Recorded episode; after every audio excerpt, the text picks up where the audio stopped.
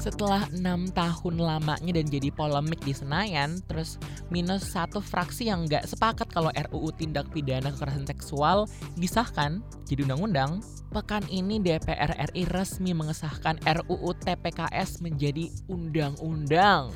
Wah, hore banget ini Bun. Akhirnya penantian kita terjawab sudah. Ya, kompensasi gorden baru kali Bun. Atau mungkin itu tuh yang tadi tuh. Jadi fokus abis nonton bokep.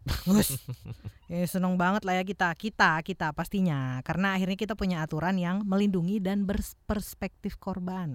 Bener banget, penegak hukum jadi punya payung hukum untuk menangani setiap jenis kasus kekerasan seksual yang sebelumnya tuh belum ada gitu. Bukan belum ada, tapi belum dianggap ada. Harusnya nggak ada lagi tuh viktimisasi korban kekerasan atau pelecehan seksual. Atau kudu menjawab pertanyaan-pertanyaan enggak kontekstual atau malah menstigma korban. Tapi kayaknya kurang seru ya kalau misalnya kita ngomongin ini cuman berdua doang gitu. Di sini ada Kak Iyako, musisi sekaligus aktivis perempuan. Nah, ini tadi sempat di awal nih kita uh, ngobrol-ngobrol soal anaknya Pak Ahok yang punya pandangan patriarki gitu. Menurut dia bahwa dia tuh uh, selain punya pacar yang pengen yang uh, nurut, tunduk dan manut, tapi dia juga ingin memperlakukan perempuannya itu sebagai properti gitu. Gimana komentarnya Kak Yako uh, seputar komen ini? Kaget sih terus terang ya. Artinya aku terus terang nggak nggak ngikutin gitu, tapi aku punya pengalaman. Aku kan ngajar juga kebetulan. Aku selain rapper, aku juga ada di edukasi ya di mengajar di sebuah kampus. Nah, salah satu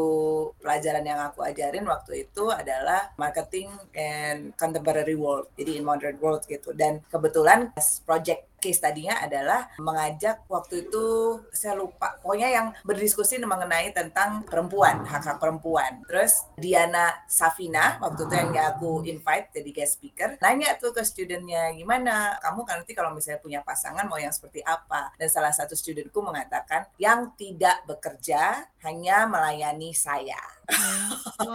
Di situ di situ um, aku kaget tapi aku tidak bereaksi. Aku cuma tanya aja dan temen aku juga nanya kenapa? Gitu. Karena memang di keluargaku seperti itu artinya hal-hal seperti patriarki itu dipelajari sejak dari circle terkecil yaitu keluarga. Tuh dia melihat sebuah seorang anak melihat tentang sistem patriarki itu mungkin dipelajarinya dari keluarga. So I don't know apakah memang yaitu melihat keluarga intinya atau bagaimana atau mungkin ya karena kebutuhannya dia atau bagaimana yang jelas itu akhirnya akan shaping people to think that way. Karena culture kita kan patriarki banget ya gitu loh. Hmm. Misogini terus kemudian patriarki. Jadinya mau nggak mau membentuk orang-orang. Gitu. What do you think guys? Kita aduh kita setuju banget sih. Maksudnya ini sesuatu yang kayaknya harusnya udah ditinggalkan deh di generasi lalu terus kita udah lanjut lewat, udah lewat udah, gitu udah ya. lewat masanya ya, gitu. Makanya tiba-tiba ada seorang public figure yang bisa bikin statement kayak gini di tahun 2022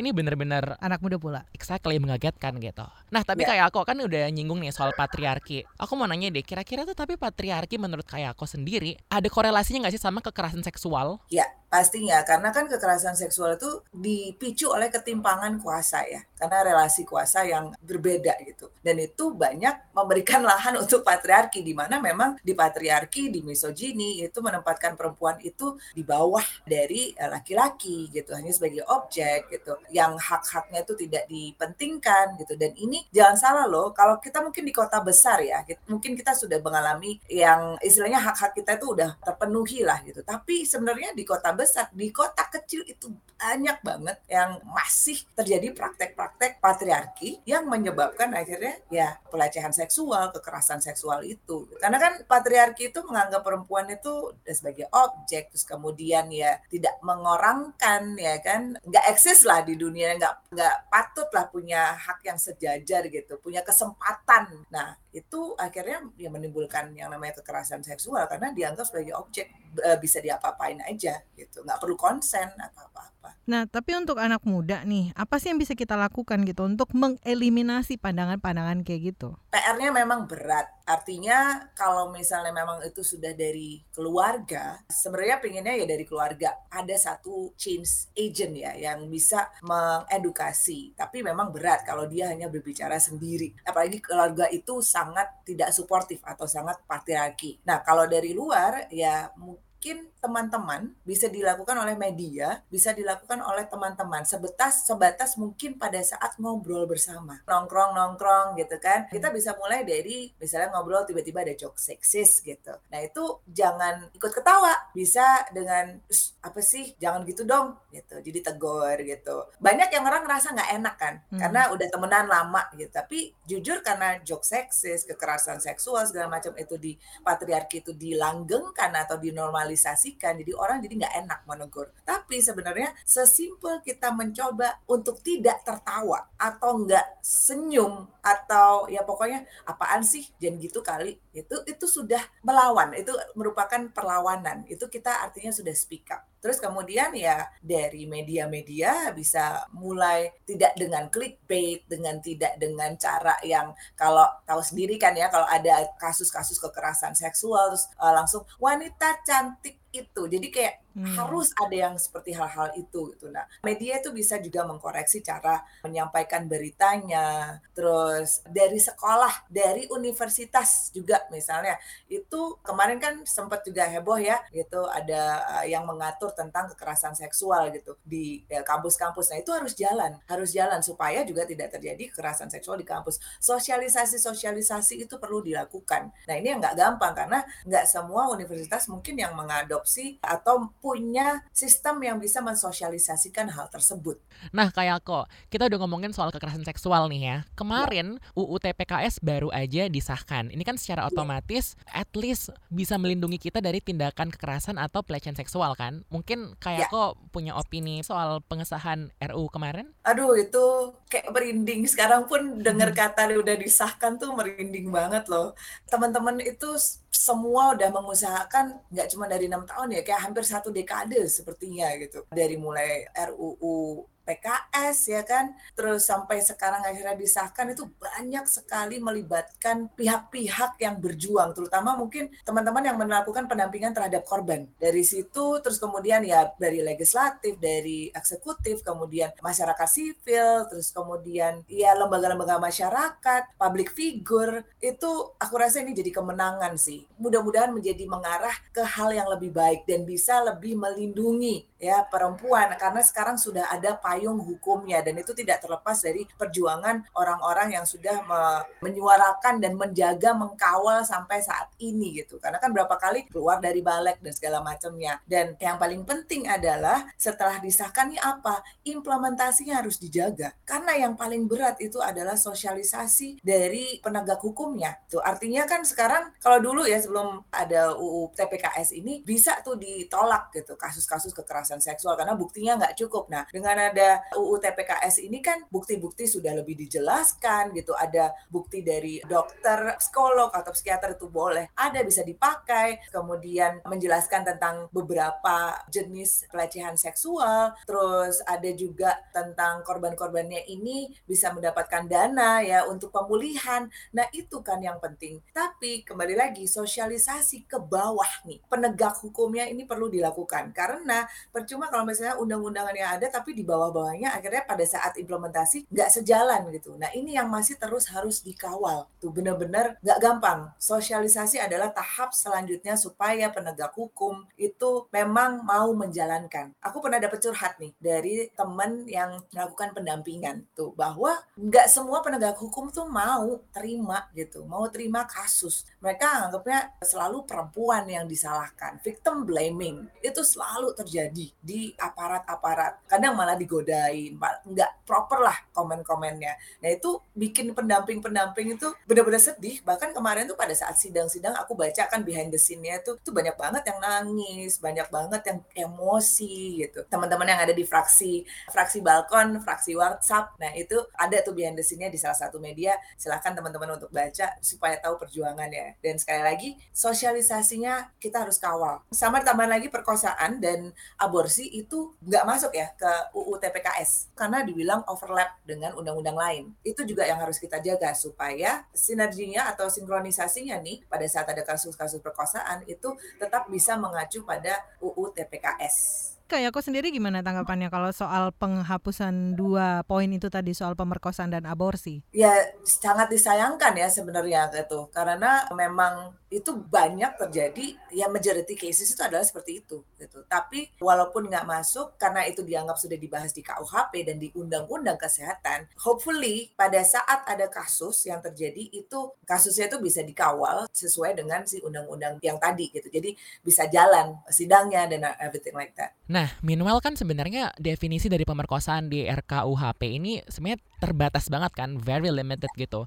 Beda Betul. banget nih Kak sama definisi pemerkosaan di TPKS. Nah, menurut Kak aku sendiri apakah definisi pemerkosaan itu di RKUHP harus direvisi apa gimana nih? Oke, okay, betul harus direvisi. Aku sempat baca atau dengar, correct me if I'm wrong, itu akan ada tambahan klausa ya sepertinya atau ayat atau pasal gitu yang mendukung definisi-definisi perkosaan tersebut di KUHP. Jadi akan ada tambahan pasal. Hopefully itu akan mengcover dan bridging antara si KUHP tentang perkosaan ini dan juga dengan UU TPKS. Oke, ada catatan lain mungkin yang perlu di-highlight, misalnya kayak soal pemenuhan hak korban misalnya. Betul, ya pemenuhan hak selama ini kan karena nggak ada payung hukumnya yang selalu dipikirkan adalah pidana, pidana, pidana. Bagaimana sih supaya pelakunya jerah? Tapi yang banyak tidak dipikirkan itu adalah bagaimana sih korban ini hak-haknya terpenuhi dan kemudian dipulihkan gitu. Hmm. Karena traumanya ini menahun loh gitu loh. Aku sendiri juga merupakan penyintas gitu. dan kalau aku kepikiran hal itu tuh masih masih kepikir masih secara visual tuh ada gitu di kepalaku yang terjadi tuh apa gitu. Nah, dan ini tuh nggak banyak yang mikirin hal itu padahal ya dan yang terjadi di masyarakat kan kalau ada kasus perkosaan atau yang dihamili itu disuruh nikah Bayangin hmm. gimana sih rasanya pada saat lo diperkosa terus kemudian lo disuruh nikahin si pemerkosa. Nah, untungnya hal-hal ini sudah dibahas di UU TPKS dan hopefully bisa lebih dan tidak hanya untuk korban tapi juga untuk pendamping. Artinya hmm. pendamping ini juga dipikirkan. Pendamping-pendamping ini itu juga secara emosional terkuras loh karena kasus-kasus yang mereka dampingi itu nggak nggak gampang nggak mudah mudah-mudahan ini benar-benar uh, secara implementasi bisa benar-benar dilakukan ya benar-benar terjadi tuh apa yang yang digariskan di di UU TPKS itu bisa benar-benar dipenuhi lah hak-hak korban. Nah, kak aku ini penasaran nih. Anggaplah aku adalah orang awam ya yang mungkin tidak terbiasa menjadi pendamping gitu. Ada tips nggak untuk menciptakan gitu ruang ya. aman ya. untuk penyintas maupun bahkan untuk pendampingnya sendiri? Kalau menciptakan ruang aman, yang pasti mungkin yang bisa aku garis bawahi adalah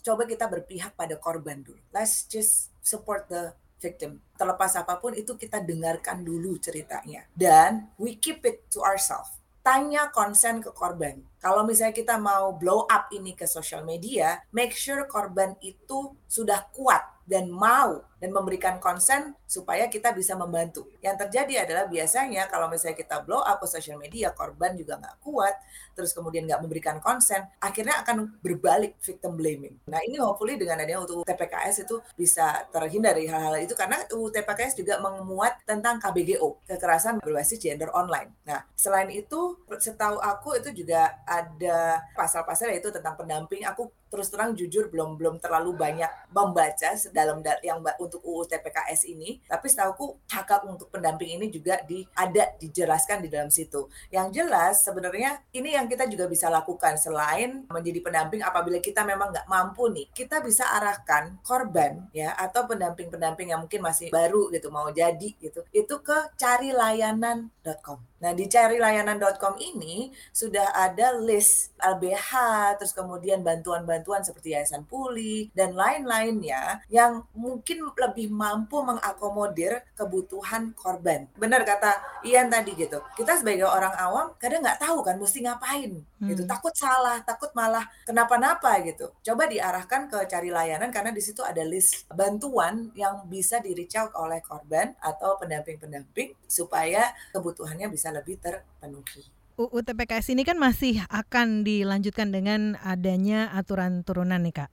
Nah gimana caranya kita-kita ini bisa ikut terlibat dan ikut aktif untuk mengawasi gitu? Good point itu seneng banget maksudnya mudah-mudahan ya dengan dengan semua banyak orang lebih melek ya tentang UU TPKS ini dan banyak yang lebih tersosialisasi. Menurut aku segampang search keyword aja UU TPKS di situ baca poin-poin pentingnya apa aja. Itu dulu itu dan hopefully media juga lebih banyak mensosialisasikan hal-hal tersebut gitu. Misalnya kemarin ada satu media yang bilang polisi atau aparat tidak boleh menolak kasus kekerasan seksual gitu. Nah itu udah salah satu poin penting yang bisa di-share ke masyarakat. Tapi bagusnya adalah budayakan membaca budayakan mencari. Dengan adanya Google sekarang gampang banget ya. Search aja UU TPKS di situ akan ada poin-poin pentingnya. Lihat lebih jauh lagi di DPR itu sudah ada. Aku rasa undang-undangnya. Jadi itu bisa di, dilihat dari situ. Sering-sering diskusi sama teman-teman lain gitu. Terus punya sosial media gunakan sosial mediamu untuk memberikan informasi buat teman-teman yang lain. Mungkin banyak orang yang nggak suka diguruin ya tapi kita sesimpel ya we using our social media itu kan ya terserah ya social media kita. Salah satunya hopefully bisa digunakan untuk mensosialisasikan hal ini. Yes yes. Benar banget. Sepakat sepakat